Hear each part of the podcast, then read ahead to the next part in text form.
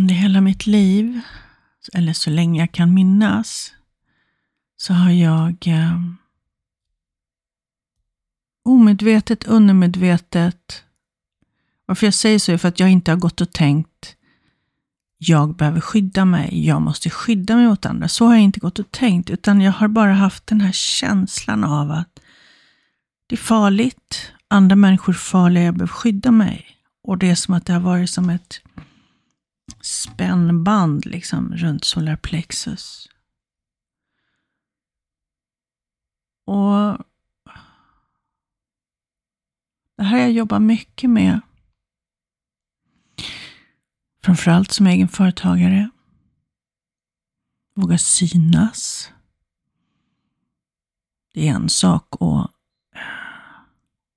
synas genom att man har en, eh, ska jag säga, i en expertroll eller i någonting som eh, handlar mer om sakkunnighet, så att säga.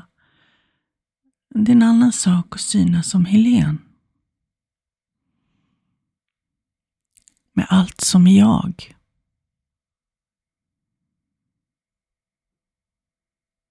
Med allt som är jag som människa.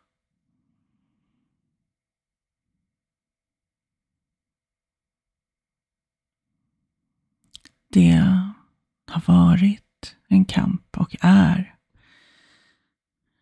det första, eller det som har varit förut, rädslor som har hållit mig tillbaka, det är att bli bedömd, bli kritiserad, hånad, förnedrad och så. Eh, det har jag jobbat bort ganska mycket av. Jag vågar kanske inte säga att det är helt borta, men idag vågar jag synas. Men då är det som att jag så skrattar jag. Nej, men jag är introvert. Det, det har varit det senaste. Varför skrattar jag nu? Nej, men så här, åh, jag är introvert. Jag, och det kanske jag är. jag vet inte det. Men det är som att jag då skyddar mig bakom det och väljer att inte ta så mycket plats i livet. Eller livet utanför det liv som jag har i min vardag. Det vill säga det här, podden, Facebookgruppen, ja, Youtube. Det kan verkligen gå lång tid emellan innan jag gör något där. Och jag hoppas att det här, det här avsnittet är en avstamp mot en förändring. För innerst inne så vill jag synas mycket, mycket mer. För att jag vill nå ut till många fler än vad jag gör idag. Nå ut med min kärlek som är som medicin för många.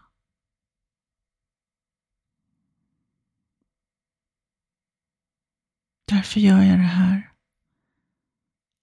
podcastavsnittet. Idag är det vårdagjämning. Vi har en oerhört spännande vecka framför oss enligt planeterna. Det är som på nytt födelse.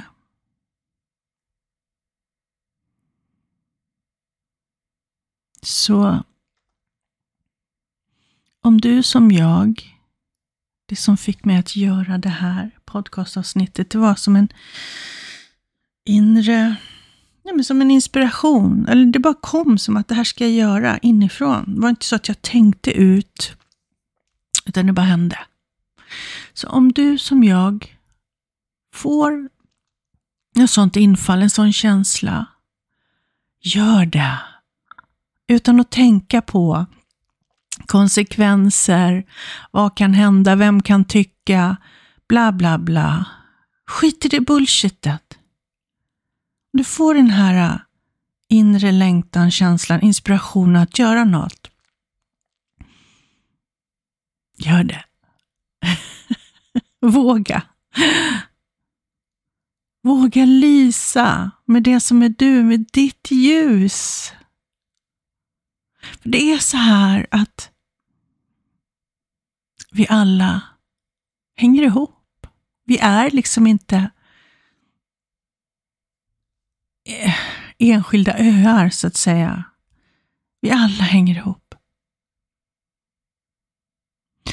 Och om du tänker dig som ett ljusnät. Alla människor sitter ihop i det här ljusnätet. Och du är där. Och ditt ljus kanske knappt lyser. Och när du då börjar leva inifrån och ut, det vill säga följa ditt hjärta, följa glädjen, följa inspirationen. Våga lysa, våga vara autentisk, våga vara den du är. Då lyser ditt ljus starkare. Och det påverkar ljusen runt omkring dig. Så kanske någon av dem också vågar sta lysa starkare. Vilket i sin tur sprider sig till de ljusen som den är connectad med. Visst är det fint? Låt oss ta varandra i händerna. Inte attackera, inte försvara oss, utan bara ta.